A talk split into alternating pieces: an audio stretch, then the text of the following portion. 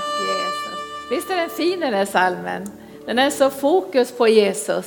Fattiga ger han sin rikedom, själ som är bunden och trött och tom. Himmelriket är nära.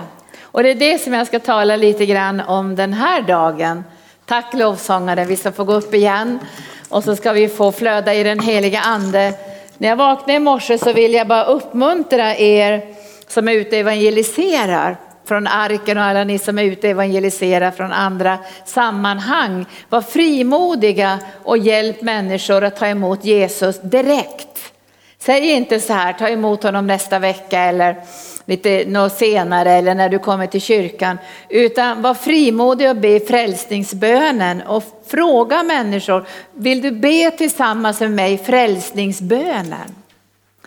Och det här, det här tror jag kräver ett litet mått av frimodighet.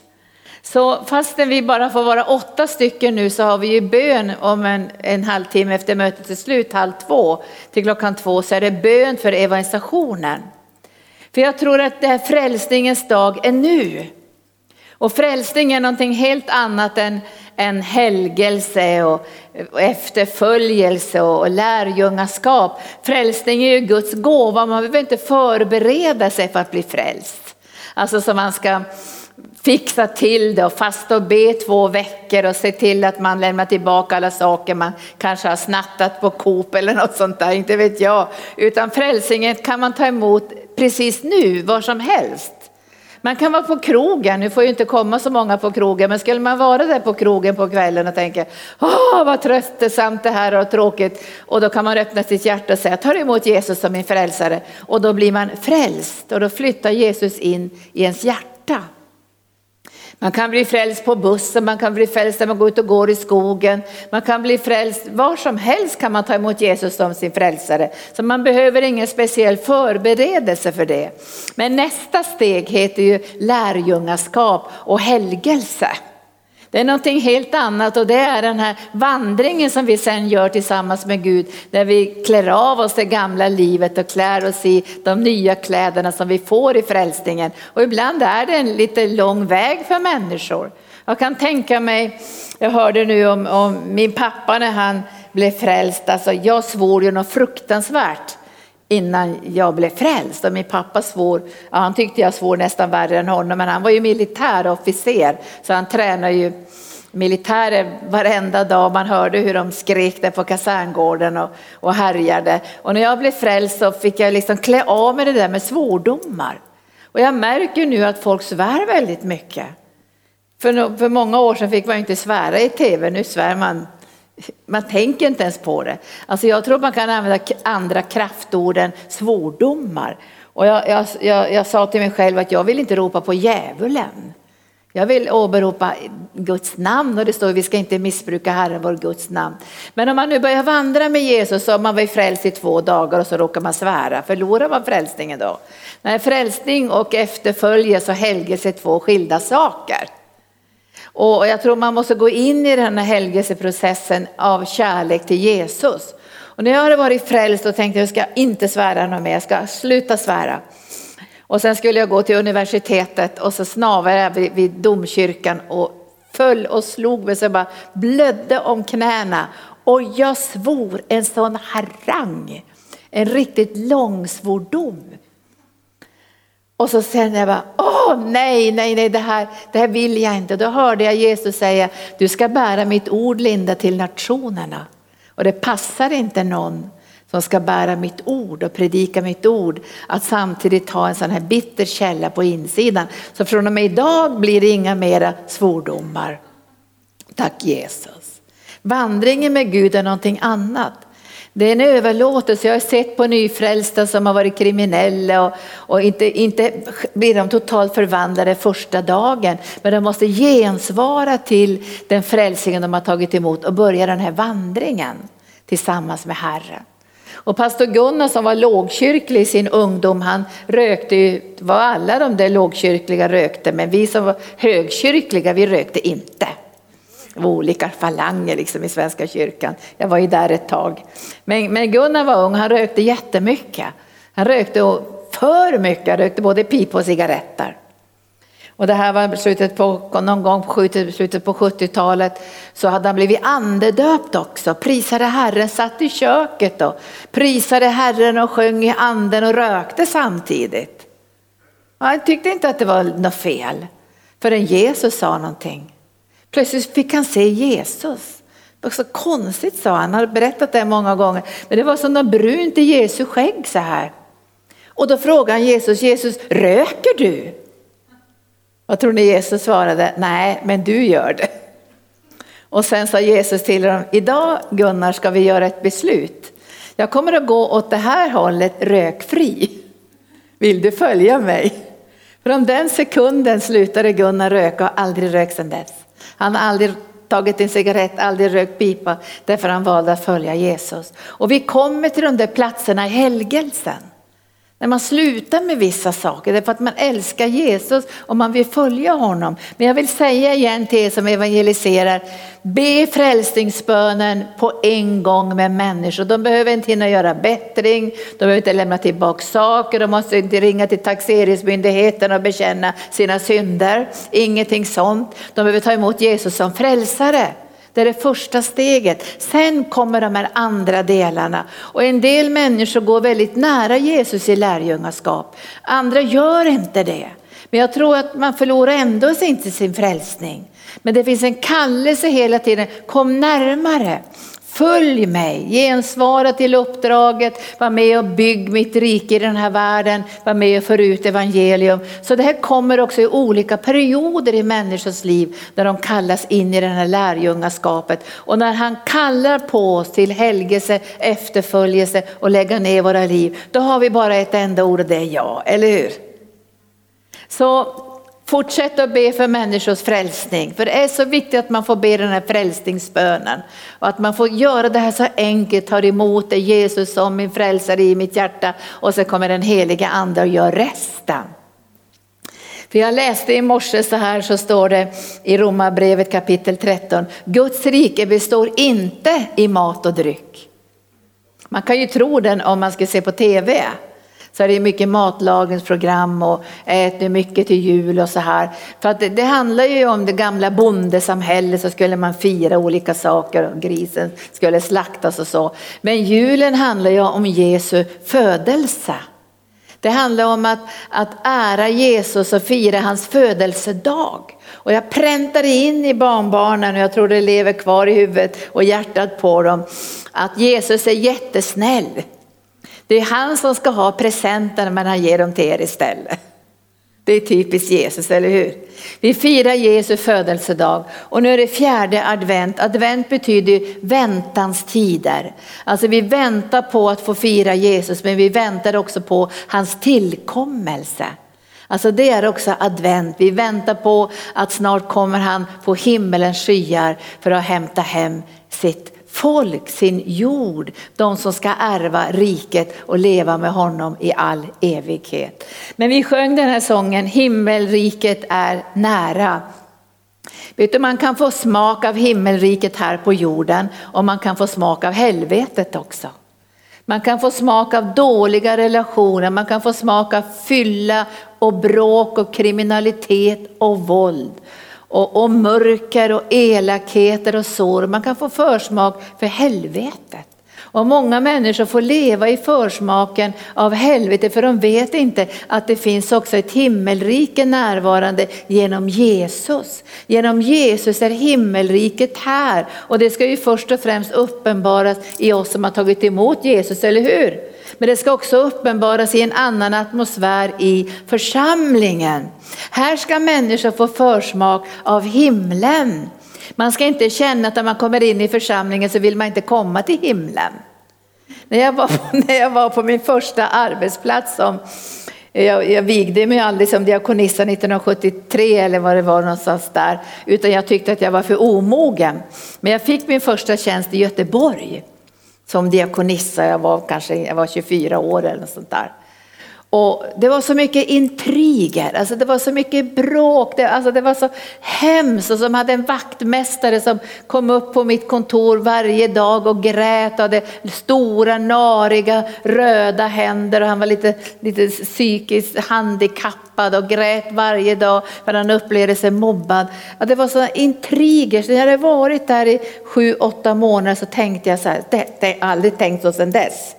Jag tänkte så här, om det är med de här jag måste tillbringa himmelriket, jag är inte säker på att jag vill komma dit tänkte jag. Alltså det var så intriger. Det var sånt mörker, jag vet inte varför jag hamnade i det, men jag var överkänslig. Men utifrån det så har jag känt att församlingen ska smaka himmelriket, eller hur?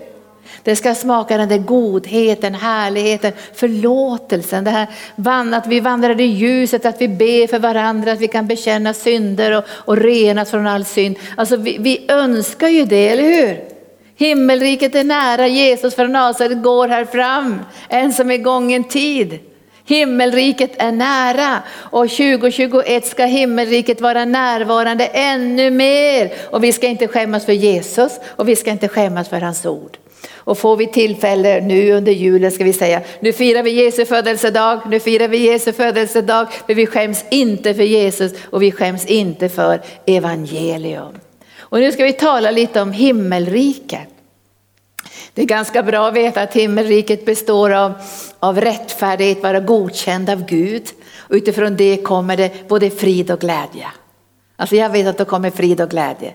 Jag har vuxit upp i, i mycket bråk och kriser hemma och alkohol och sånt där. Och många har fått uppleva det. Det var inte himmelriket. Man visste ibland var det goda vibbar, ibland var folk på gott humör hemma hos oss. Men man kunde öppna dörren så här och sticka in huvudet och känna vad det är för vibrationer. Men när människor kommer hit till arken, när hela lokalen blir full, eller hur Timo, som leder mötet, då ska de känna himmelriket här. Fattiga ger han sin rikedom, han läker de slagna sår, tomheten fylls av hans kärlek och närvaro, för himmelriket är nära, för Jesus Kristus är här. Och då säger Jesus, han säger till sina lärjungar, jag ska ta fem stycken liknelser idag om himmelriket, tänkte jag. Men i Matteus kapitel 5, versen 3, det behöver ni inte slå upp, så står det så här att saliga är de fattiga i anden. För de tillhör himmelriket, eller himmelriket tillhör dem, de som är fattiga i anden. Och ska vi vara någonting i den här världen ska vi vara fattiga i anden. Alltså vi ska inte låta någonting annat fylla oss än himmelriket. Alltså vi ska inte luras in alltså, i för mycket konsumtion eller för mycket mat eller för mycket trygghet i den här världen. Utan till exempel när vi ger som vi hörde Timo säga, då talar vi ut förtroende till Gud. Alltså varje gång vi ger så säger vi, vi litar på dig Gud i livets alla omständigheter och särskilt vill vi så när det är nödtider. Då kan Gud uppenbara sina mirakel ännu mer, eller hur? Om du sår när allting är bra så är du inte säker på om det är ett mirakel. Men när Isak sådde i hungersnöden och så skördade han hundrafaldigt, då kunde alla se att Gud var med honom, eller hur? Och de blev ju jätteavundsjuka på honom. Men, men, när Jesus talar i liknelse till folket så säger han till sina lärjungar, så säger han så här, att ni har fått lära känna himmelrikets hemligheter. Det här står i Matteus evangelium kapitel 13. Ni har fått lära känna hem, himmelrikets hemligheter. Och så förklarar han liknelsernas innebörd. Och jag vill bara ta några liknelser idag om himmelriket. Han förklarar för dem, det här betyder det. Och det finns mängder med liknelser i Bibeln, det finns bortåt 40 liknelser. Men den första liknelsen som är i 13 och 31 säger han, himmelriket är som ett senapskorn. Det minsta av frön. Och jag fick när jag var i Israel en liten burk med senapsfrön. Alltså de var så små som man nästan behövde titta med förstoringsglas. Himmelriket är som ett senapsfrön. Det är därför som vi inte får förakta den ringa begynnelsen. För allt som Gud gör börjar med ett senapsfrön. Alltså kallelsen, det som Gud har tänkt för våra liv börjar inte med en änglakör. Eller med basuner eller att människor kommer, åh du har sån fantastisk kallelse, vi har sett den i ditt liv. Den börjar med ett senapskorn. Och därför måste det vara dyrbart det vi tar emot ifrån Gud. Och därför säger Herren att ni ska inte förakta den här ringa begynnelsen. Det här som är så lite ska ni inte förakta, för himmelriket är som ett Kon, Alltså man ser de små sakerna. Och det tycker jag är utmärkande för de som är frälsta. De kan se de små sakerna. Man kan se vad Gud håller på med i det lilla. Och man måste börja med att se vad Gud gör i det lilla. Man måste börja se spåren av hans närvaro. Man behöver känna beröringen av hans kraft mitt ibland oss så att vi kan värdesätta det som är litet. För Herren säger ju att när vi värdesätter det här senapskornet så kommer det att växa och bli det största av kryddväxter. Jag säger att det ska bli som ett träd därför Guds rike har växtkraft. Så man får inte säga men det här är så lite, vi tycker det har inte blivit så mycket. Var rädd om det. Vi ska vara rädda om de små sakerna som vi ser i varandras liv, som vi ser i församlingen, vad Gud håller på med. Det ska vi vara rädda om. Och inte tänka att här var inte så viktigt, vi vill ha stora sakerna istället. Utan han säger, om du är trogen i det lilla så ska du få det som är större. Och vi vill i församlingen Arken få det som är större, eller hur? Vi vill se mera Guds härlighet, mera Guds kraft. Då måste vi värdesätta att himmelriket är som ett senapskorn. För man tänker ibland varför skulle han födas på ett sånt fattigt ställe som Betlehem? Att, att han skulle komma att födas i ett smutsigt stall. Vi kan ju tänka, vore det inte bättre han föddes på någon bra plats och så? Hans födelse var som ett senapskorn. Men det kommer att komma en dag när han kommer i härlighet. Då är det inget senapskorn längre, när han kommer med sina änglar i härlighet på himmelens skyar. Himmelriket är som ett senapskorn. Och så säger han så här, när det väl har vuxit upp då kommer fåglarna och bygger sina bon. Det drar till sig. Och visst önskar vi att när vi värdesätter det som Gud gör ibland oss, att det ska dra till sig människor. Det ska dra till sig sökare. Människor ska upptäcka att här finns det någonting som är övernaturligt. Därför börjar det som ett senapskorn. Om det började på ett annat sätt så skulle människor kunna säga, det här har de nog fixat själva. De har några rika släktingar. De har nog ordnat det här i egen kraft. Men börjar det som ett sädeskorn, som ett senapskorn, då kommer alla att förstå att här behövs det övernaturligt ingripande för att det ska kunna växa och bli allt det här underbara och vackra som ska ge Gud äran. Himmelriket är också som en surdeg. Så säger Jesus till dem, en surdeg nu har det blivit modernt med de här surdegslimporna.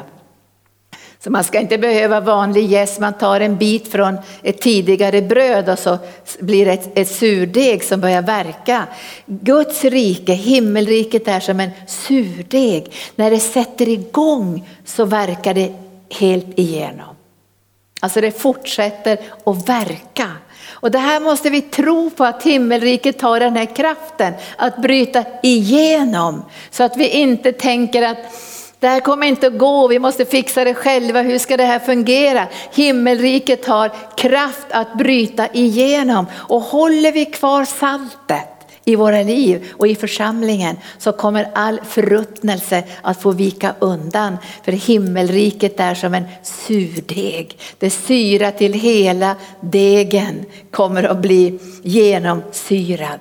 Så sätter vi tro till himmelrikets kraft ibland oss och sätter tro till att himmelriket är som en surdeg så kommer Guds härlighet att bryta igenom på område efter område efter område. Och, och jag tror vi behöver tro på den här surdegen, att det är kraft i Guds ord. Att det är kraft i Guds närvaro så vi inte ger upp och blir lite besvikna och tänker det, det bryter ju inte igenom. Vi ska ha kraft på himmelrikets surdeg. Det bryter igenom och genom våra förböner och vår överlåtelse till Jesus. Och vi sänder den här surdegen in i människors liv genom evangelium, genom Guds ord så fortsätter det att verka till Gud är färdig med en människas liv. Det är kraft i surdegen. Himmelriket är en surdeg. Och det här behöver vi tro på när vi ser på människor som vi tycker inte kommer in i den här förvandlingsprocessen och de helgas inte, de fortsätter med sitt syndiga liv. Då ska vi sätta tro till himmelriket som en surdeg. Att när ordet träffar människor så kommer Guds ande att verka med sin kraft och det bryter igenom. Det kommer att nå sin fullbordan. Därför Guds ord säger att ordet vänder inte tillbaka förrän det har gjort det som Gud har tänkt så verkar han i ordet. Därför himmelriket är en surdeg och därför får vi inte ge upp heller när vi tycker att, att det blir inte riktigt som vi, vi har tänkt i våra egna liv heller. Då ska vi tänka himmelriket är nära, jag har Jesus i mitt hjärta, jag har surdegen i mitt hjärta, kraften som kommer till fullo förvandla mitt liv så att allt som Gud har sagt och tänkt för mig kommer att gå till sin fullbordan. För himmelriket är som en surdeg, det syrar igenom allt och låter sig inte hindras av omständigheter eller mörker eller djävulens gärningar. För Guds surdeg är starkare än djävulens mörker. Halleluja. Himmelriket är som ett senapskorn. Himmelriket är som en surdeg. Men så säger Jesus i två liknelser som han kommer till sen så säger han i 13 och 44 och 45 att himmelriket är som en skatt som är gömd i en åker. Den är gömd i en åker. Jag har många gånger tänkt så här, varför, kunde inte, varför kan inte Gud marknadsföra sig lite bättre? Man kan ju tänka så i bara några knäppa tankar som kommer. Att varför lät han bara änglarna sjunga för några herdar? Varför var det så enkelt och så fattigt och så begränsat? Alltså allt kring Jesu födelse skatten i åken. Skulle inte Gud kunna sätta upp, efter uppståndelsen hade Jesus kunnat visa sig för varenda en. Sätta upp en jätteneonskylt på himlen, jag är uppstånden. Men himmelriket är som en skatt i en åker. Och det är därför som det både är dolt och öppet på samma gång. Har ni tänkt på det? Det är både dolt och öppet på samma gång. För om det skulle vara helt öppet så kan du och jag tänka, då skulle varenda människa ta emot Jesus. Men det är både dolt och öppet. Det är så märkligt det här på något sätt. För man tänker att om man skulle predika evangelium för människor borde man inte springa, bara komma, vi vill ta emot Jesus. Men det är både dolt och öppet och så kommer det tider i människors liv där de ser skatten. De upptäcker skatten. Och skatten upptäcks ju genom att evangelium predikas för människor. Så börjar de förstå, för de är ju ute efter att hitta en skatt. De flesta människor söker lycka. De söker efter att hitta någonting som ger värde till deras liv. Och det har ju till och med Folkhälsomyndigheten fått fram om man läser deras, deras eh, skrifter så säger de så här att människor behöver någonting större. De behöver vara med i ett större sammanhang och så ger de ett exempel, kanske ett fotbollslag. Ja, eller förening eller någonting. Man ska vara med i någonting som är större. För det finns ett andligt behov också i människors liv och människor söker efter en skatt. De söker efter någonting som ska ge värde och det gör varenda människa medvetet eller omedvetet. Och så säger Jesus, när man, när man kommit på att den här skatten är i en åker, när man hittar den här pärlan, den vackraste av pärlor, då händer det någonting i människors liv. Och det är det som vi, vi, känner att vi vill förklara för människor också. Det är värt att ge upp allt för att följa Jesus. Det är värt att lämna allt för att följa Jesus. Därför när vi har funnit den här skatten och den här pärlan har vi funnit själva livet. Och när Jesus berättar det här så talar han om att värdera himmelriket. För himmelriket är som en skatt, himmelriket är som en pärla. Värdesätt det så vi inte blir linstoppekristna. Ni vet ju Esau han tyckte så här, det var, väl inget, det var väl inte så värdefullt det där med förstfödsel och rätten, för han hade inte tagit reda på vad det innebar. Men det hade Jakob gjort och han ville ha den. Han ville betala med sitt liv för att få den. Och därför så säger han till sin bror, kan du sälja din förstfödelserätt till mig? För nu ser jag att du är hungrig. Och så hade han en linssoppa. Och Esau han, ja, jag, jag, är så hungrig så jag håller på att dö så att jag, jag säger du kan ta förstfödslorätten. Så han fick förstfödslorätten men han måste också få välsignelsen. Han har inte fått den än. Men han måste få välsignelsen. Men han fick inte välsignelsen på laglig väg. Han fick den för att han, var, han hade bedragit sin broder. Men brodern brydde sig inte om, han värderade inte förstfödslorätten. Men när han väl kom till Isak, när Jakob hade fått välsignelsen, då gråter han. Då säger Isak så här, vet du Esau, jag kan inte välsigna dig, för det finns ingen välsignelse kvar. Vi har gett allting till Jakob. Han har fått allting, det finns ingenting kvar.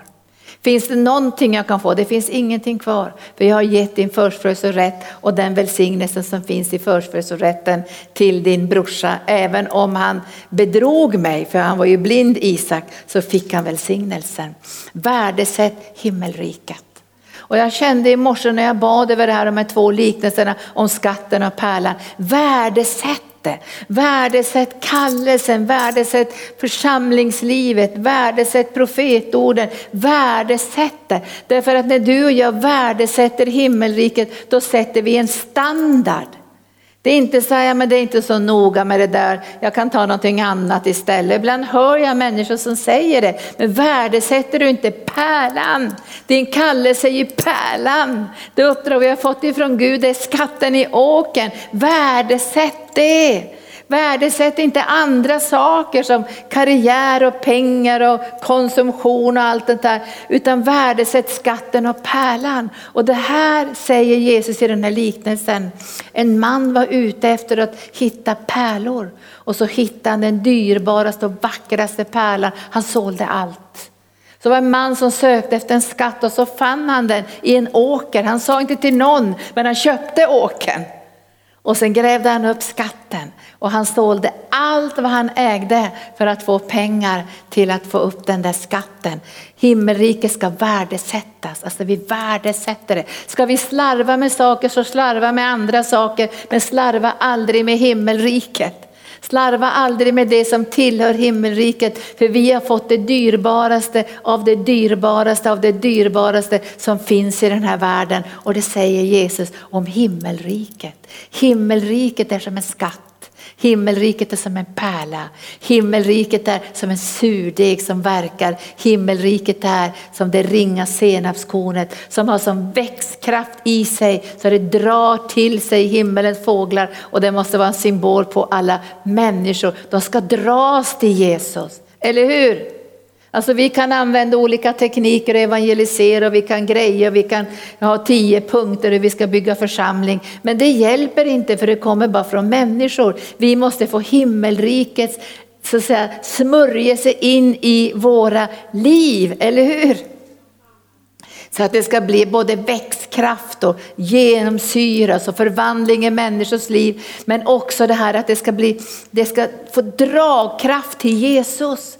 Att när vi börjar värdesätta det som Jesus har gett oss genom sin död på Golgata som en skatt och en pärla, då blir det attraktionskraft till Jesus. Sen finns det två liknelser till som jag bara ska nämna kort som är lite mer allvarliga liknelser där han talar om ändens tid. Och det är från 1347. Så talar han om himmelriket som ett nät. Ett nät. Nu är vi på nätet, eller hur? Nu är vi på nätet. Men, vi, men jag tänker det är så bra att det heter nätet. För vi ska dra in nätet. Alltså alla människor har rätt att höra evangelium. Och ser du mig nu som ännu inte har blivit frälst eller tagit emot Jesus, gör det nu. Och så ringer du på våran telefon. Ring och berätta att jag har tagit emot Jesus, ring och ge en hälsning, ring och ge ett vittnesbörd, ring och om du har ett behov så ber vi för dig. Men om du inte har tagit emot Jesus, gör det nu. Gör det nu. För himmelriket är som ett nät. Alltså Gud vill att alla människor ska bli frälsta så det är ett nät över hela jorden. Så alla ska få höra evangelium. Och Jesus säger att han kommer inte tillbaka förrän alla hört evangelium. Och snart har alla hört evangelium ut över hela världen. Och människor i Sverige har ju hört evangelium många gånger om. Men nu ser vi en ung generation som kanske aldrig har hört evangelium. Men de ska få höra evangelium genom dig och mig. Men himmelriket är som ett nät säger Jesus. Och så drar man upp det här nätet på land och så börjar man sortera fiskarna. Himmelriket kommer att skilja får från getter. Det här tycker vi inte om att höra för vi vill ju att alla ska komma till himlen, eller hur? Vi, vill, vi har ju varit snälla, vi vill ju alla komma till himlen. Visst kommer alla till himlen, det finns väldigt konstiga tankar om himlen, man ska bli en ängel till exempel. Eller så säger de att man ska bli en stjärna någonting. Och så pratar man om himlen, vad vet man om himlen? Det kan man läsa om i Bibeln så står det mycket om himlen. Men himmel är, säger Jesus, det är som ett nät som dras in och så blir det en sortering. Det är inte alla som kommer till himlen. Hur kommer man till himlen egentligen? Hur får man del av himlen? Genom pånyttfödelsen, genom frälsningen får man himlen på insidan därför att Jesus är himlen. Men sen finns det en annan värld, den himmelska världen. Och i den får man inte tillträde utan Jesus. Vet du, det kommer en räkenskapens dag. Och jag är inte rädd för räkenskapens dag, för Jesus har ju kryssat över skuldebrevet. Men det blir underbart med en räkenskapens dag. Men om, om man skulle titta i, i, det andliga räkenskapet och titta, ja, vad, vad står det här om pastor Linda, har hon gjort och hon gjort, hur var det med hennes böneliv och fastade hon någonting och gjorde hon vad hon skulle göra och så här, så blir det räkenskap. Och då tänker man att det stod på minus 3000. Men sen kommer Jesus in med plusset. Räkenskapens dag är plusset med Jesus. Alltså då, då, har, då har Jesus betalt allting och han är så att säga, garanten för att du och jag har ingång till den eviga världen. Men räkenskapets dag ska ju också bli en dag när vi får se att våra liv har haft betydelse, eller hur? Det är inte en dag med skräck och ångest, hur ska det gå, tänk om det är flera minus än plus, utan räkenskapens dag att förstå ditt liv hade betydelse. Att du tog emot det här senapskodet, att du förstod att skatten var värdefull. Att du förstod att Guds kraft kunde bryta igenom i de värsta synder och problem och omständigheter för att det var en, en himmelsk surdeg. Då kommer du att älska räkenskapens dag och du kommer att fråga, hade det någon betydelse att jag hade ett fadderbarn? Hade det någon betydelse att jag sådde i, i, i den här svåra tiden? Hade det någon betydelse att jag stod fast i min kallelse i församlingen? Fick det någon betydelse? Det ska väl bli kul att veta. När Herren säger ditt fadderbarn har vunnit 20 000 människor för Jesus. Då får du bara fröjda dig i himlen. För räkenskapens dag ska bli en dag av jubel, belöning och glädje för Guds folk. Men när, när nätet dras upp så kommer Gud att säga Tyvärr, du får inte komma in i himmelriket. För nu är nådens tid över. Och det går inte att bli frälst nu. För nu finns det längre ingen tid. Det kommer en sån dag förstår ni. När människor kommer att bara förstå, hjälp varför tog jag inte emot Jesus? Varför blev jag inte frälst? Och därför ska jag säga till er så här, var inte försiktiga med att berätta om Jesus. Dölj inte det i en massa fina ord. Alltså så att man försöker göra det så smidigt som möjligt. Du måste vara tydlig. Och i morse när jag åkte med bilen hit så, så för många, många år sedan, den, den predikanten är död för, för länge sedan. Han var både predikant och psykiater och fick lida mycket för Jesus. Och så sa han så här till mig. Linda sa han, du ska inte älska att säga sanningen. Det finns många som älskar att säga sanningen. De älskar att säga hela tiden sanningen. Han sa så här, nej Linda du ska älska för att kunna säga sanningen. Du måste älska först för att kunna säga sanningen.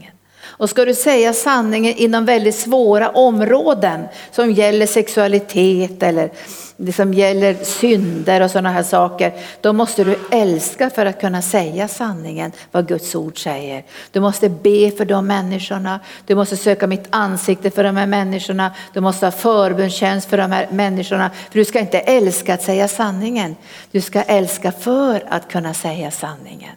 Och det är någonting helt annat. Då får du en dignitet en smörjelse och en auktoritet. Och då kommer de som hör sanningen igenom dig att få styng i sina hjärtan och längta efter bättring.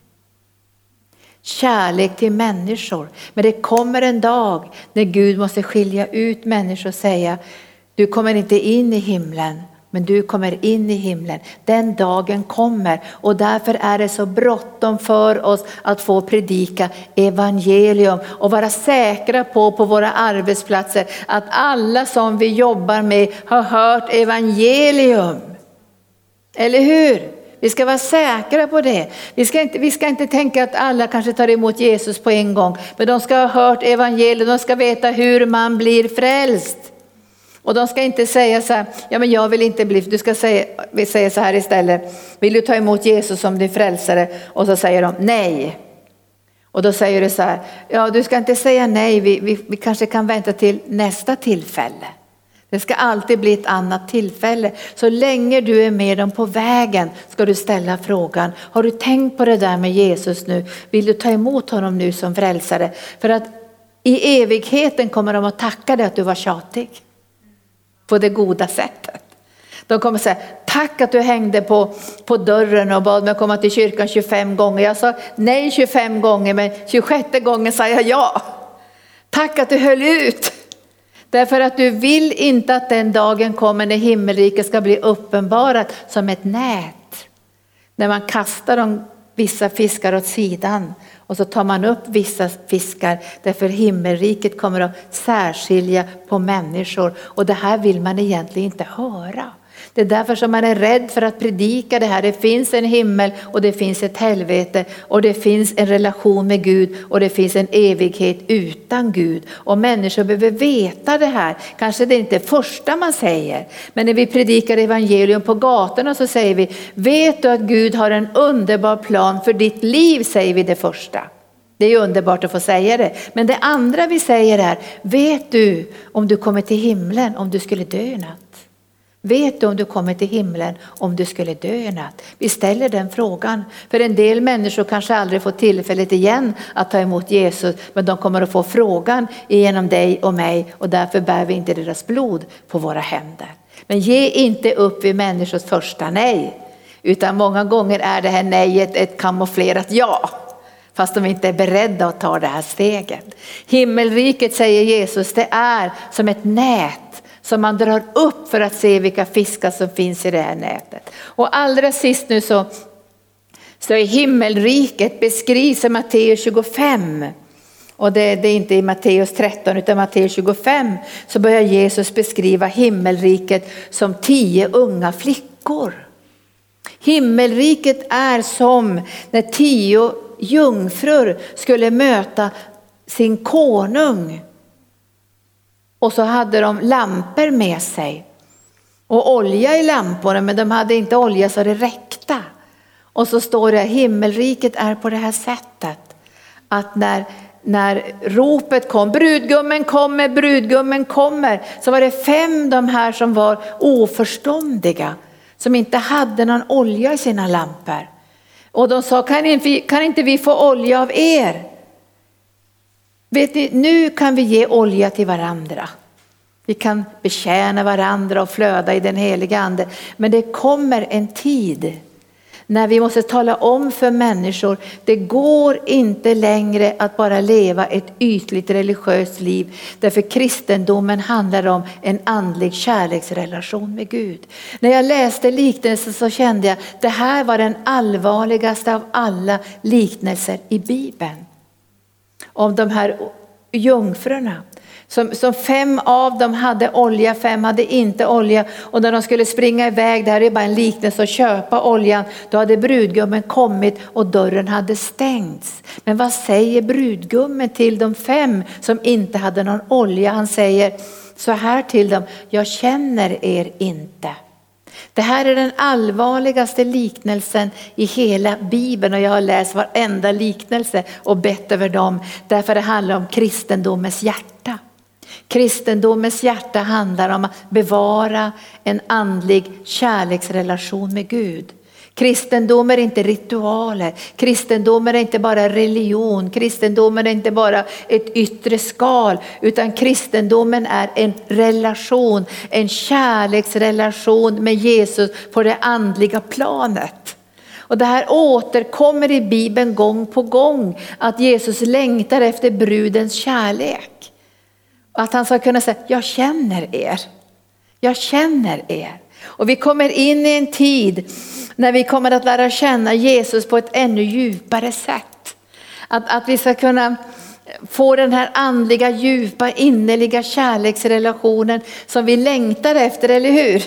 Men det här är en liknelse som sätter saker på sin spets. Vi behöver bli födda på nytt. Ta emot Jesus som frälsare på insidan. För kristendomen är inte det här yttre utan kristendomen är det inre livet med Jesus. Och då, då kan vi tolka den här liknelsen på olika sätt men om jag säger till sist bevara oljan på insidan. Bevara den andliga kärleksrelationen. Vet ni efter ett tag kan det falla bort. Och när man läser om Efesierförsamlingen så säger Jesus här till dem att ni har gjort jättebra grejer och ni har gjort väldigt bra program och ni har gjort det ena och det andra. Men det saknas någonting som är det viktigaste. Det är kärleken, den första kärleken, att han fick vara nummer ett. Vi ska göra mängder med saker här på arken. Alltså vi ska plöja ännu flera fält utöver världen. Vi ska få se väckelse, vi ska få se Guds härlighet manifestera sig. Men vi ska aldrig glömma det allra viktigaste, att älska Jesus. Det ska vara det allra viktiga för oss att drivkraften i allt vi gör ska vi komma tillbaka till den här platsen. Vi gör det för att vi älskar Jesus. Och han ska inte säga en dag att jag känner er inte. Han ska säga jag känner er och ni känner mig. Jag är i er och ni är i mig och jag är i Fadern och, och Fadern är i mig. Och vi önskar att den här kärleksrelationen ska bli ännu starkare i Guds församlingar över världen. Alltså det är en bön som jag ber som är profetisk för alla församlingar utöver världen. Att kärleken till Jesus ska vara så stark. Så att vi ska kunna bryta den här alabasterflaskan på ett sådant sätt så både bruden och anden får ett ackord. Ett ackord. Så att när Jesus kommer på himmelens skya så, så har vi inte försöker vi vakna och vi vet inte vad vi håller på med utan då ska vi springa honom till mötes. För Bibeln säger var redo. Var vakna säger Jesus, var redo, var vakna. För en dag han kommer den vet ni inte. Men vi ska bereda oss. Och därför är det viktigaste, viktigaste, viktigaste, om jag nu ska säga något som var det viktigaste, det är att vi återvänder till att alltid säga Jesus du är nummer ett. Många saker är viktiga i ditt och mitt liv men det är alltid nummer två, nummer tre och nummer fyra. Jesus är nummer ett och jag tror att världen behöver få se det. Det är det som jag tror världen längtar efter, att få se den här passionerade kärleken som är villig att lägga undan allt för att ge utrymme till Jesus Kristus, konungarnas konung och herrarnas herre. Tänk på det här nu jul, himmelriket är nära. Himmelriket är som ett sädeskorn, som ett senapskorn.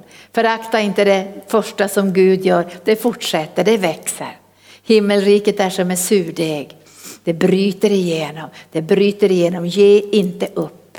Vi pratade på 80-talet, vi skulle få väckelse i hela Sverige.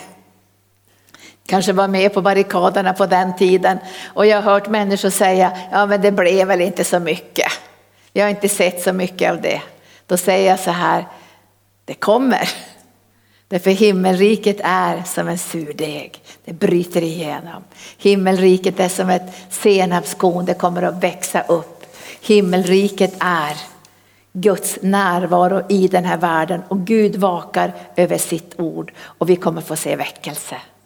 Vi kommer att få se hur människor kommer i stora skaror när tomheten, ensamheten. Tänk er bara ensamheten nu, hur människor känner sig ensamma.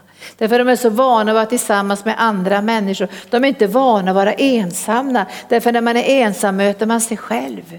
Och när man möter sig själv kanske man inte blir så glad heller alla gånger.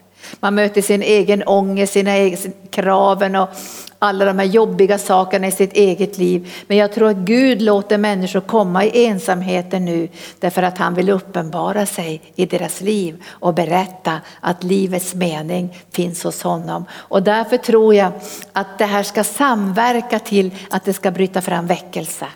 Gud är inte bakom sjukdomar, han är inte bakom fruktansvärda virusar. Men det behöver ske en förändring i människors liv och det behöver ske en förändring i samhället också. Men jag är inte säker på att det kommer att ske 100% innan Jesus kommer tillbaka. Men vi har ett förvaltarskap över skapelsen och det går inte att vi förstör djurens livsmiljö och att vilda djur och människor möts som egentligen inte ska mötas och att vi får in sjukdomar och virus som vi absolut inte ska ha in i våra liv. Och det här handlar om att människan har överskridit de andliga lagarna och därför vacklar jorden och raglar som en drucken. Men det finns ett hopp. Och jag är inte mycket för julgranar men jag började gilla julgranar senare åren. För julgranar var väl en tysk påhitt tror jag. Jag är inte så säker. Var det det? Det kanske ni vet bättre. Och julharen har vi inte. Men julgranen i alla fall. Ja, vad ska man ta in en julgran? En del var väldigt emot julgran och så här för många år sedan. Det var nästan syndigt att ha julgran. Men jag tänker så här, när jag tar in julgranen så tänker jag så här att nu ska naturen få klappa i händerna. Nu ska naturen liksom bara få känna någonting av den kommande härligheten. För när Jesus kommer tillbaka på himmelens skyar så kommer det bli en full upprättelse också för naturen, för djuren och för hela skapelsen. Så berätta för din julgran som du har inne och säg det kommer en ny tid, halleluja. Nu får du lite pumlor och glitter men det kommer en dag med den fullkomliga upprättelsen då naturen ska förenas med himmelens Gud och det ska bli ny himmel och ny jord där rättfärdighet ska råda. Nu ska vi sjunga lovsång. Det finns många liknelser i Bibeln men Jesus säger ni ska lära känna himmelrikets hemligheter. Läs gärna liknelserna, stryk under dem för det finns så många fantastiska liknelser. Och så ber du att den helige ande ska öppna liknelserna så du ska förstå vad han egentligen vill säga. För någonstans i anden kan vi alla känna nu att det hastar. Det hastar, det är bråttom att få ut evangelium. Och min bön också är att vi ska få ut evangelium i media. Att vi ska kunna få sitta i de här morgonsofforna i framtiden och berätta om Jesus, eller hur? Berätta om Jesus. Mina döttrar var ju på tv igår några minuter och då började de fråga dem hur de skulle fira jul och sådär. Och då, då var jag så jätteglad för då sa båda två så här, vi kommer att fira Jesu födelsedag. Och varje jul vill vi komma till krubban för att hylla Jesus. Så tack Jesus för att vi får ge dig ära den här dagen och öppna våra hjärtan för liknelser för det finns sådana hemligheter som uppenbaras i de här liknelserna. Att vi förstår kraften i evangelium så vi inte ser på omständigheterna och svårigheterna och, och djävulens gärningar. Vi ska se på himmelrikets kraft. För när Jesus går fram så kommer varje fattig att få nytt mod och glädje. För vi har inte gjort oss beroende av, av staten och försäkringskassan. Vi har gjort oss beroende av dig Jesus. För vi vet att det, det här, pengarna kan vi inte lita på. Den svaghet som finns i ekonomin. Men vi har satt vår förtröstan på dig Jesus. Och vi vet att när vi sår i nödtider så proklamerar vi den djupaste överlåtelsen och förtroendet och kärleken till dig. För du ska mätta människors innersta, all tomhet, all ensamhet, all ångest. Du ska komma med glädje och frid i den heliga ande. För du har gett oss rättfärdighet genom Jesus och gett oss ett ett godkännande i vårt hjärta så vi slipper stressa och oroa oss och prestera. Vi får ta emot dig som frälsare och sen börjar du helgelseverket i våra liv. Så vi lägger undan alla de gamla kläderna och ikläder oss i de nya rättfärdighetens klädnader som du har gett oss. Lovsångens klädnad, barmhärtighetens klädnad, allt det vackra underbara som finns i Jesus Kristus. Och jag ber dig helige, helige ande att de som ser mig nu ska ta emot dig som frälsare. För du vill inte att någon ska gå förlorad, att du ska dra upp det här nätet en dag tillsammans med dina änglar och då finns det ingen plats för dem i himmelriket utan då sorteras de bort för de hade sagt nej till dig Jesus. Jag ber så parri och sorio att det ska bli ett ja i människors hjärtan att ta emot dig som sin frälsare och det eviga livet, himmelriket börjar redan nu. Där hemmen blir fyllda med kärlek och respekt, där barnen får lydnad och kärlek till sina föräldrar. Där det inte längre är supande och bråkande och kiv och våld och övergrepp. Där man och kvinna ska leva sida vid sida i kärlek och respekt. Där det inte finns närhet till våld och övergrepp. Jag ber här att himmelriket ska komma i varenda familj under den här under den här julen Gud ska få känna att himmelriket inte är långt borta och att de kan ta emot himmelriket genom Jesus Kristus. Jag ber dig helige Ande påminn var och en om ord som de har fått i söndagsskolan för 50 år sedan. Men tala in i deras hjärtan och gör det lätt för dem att ta emot dig som frälsare. Kom med din kärlek och din läkedom. Bryt igenom med läkedom för de som har covid-19. Att det ska bli läkedom med hast Herre. Kom Kom heliga ande, låt ångest få vika för ljus som ska bryta fram.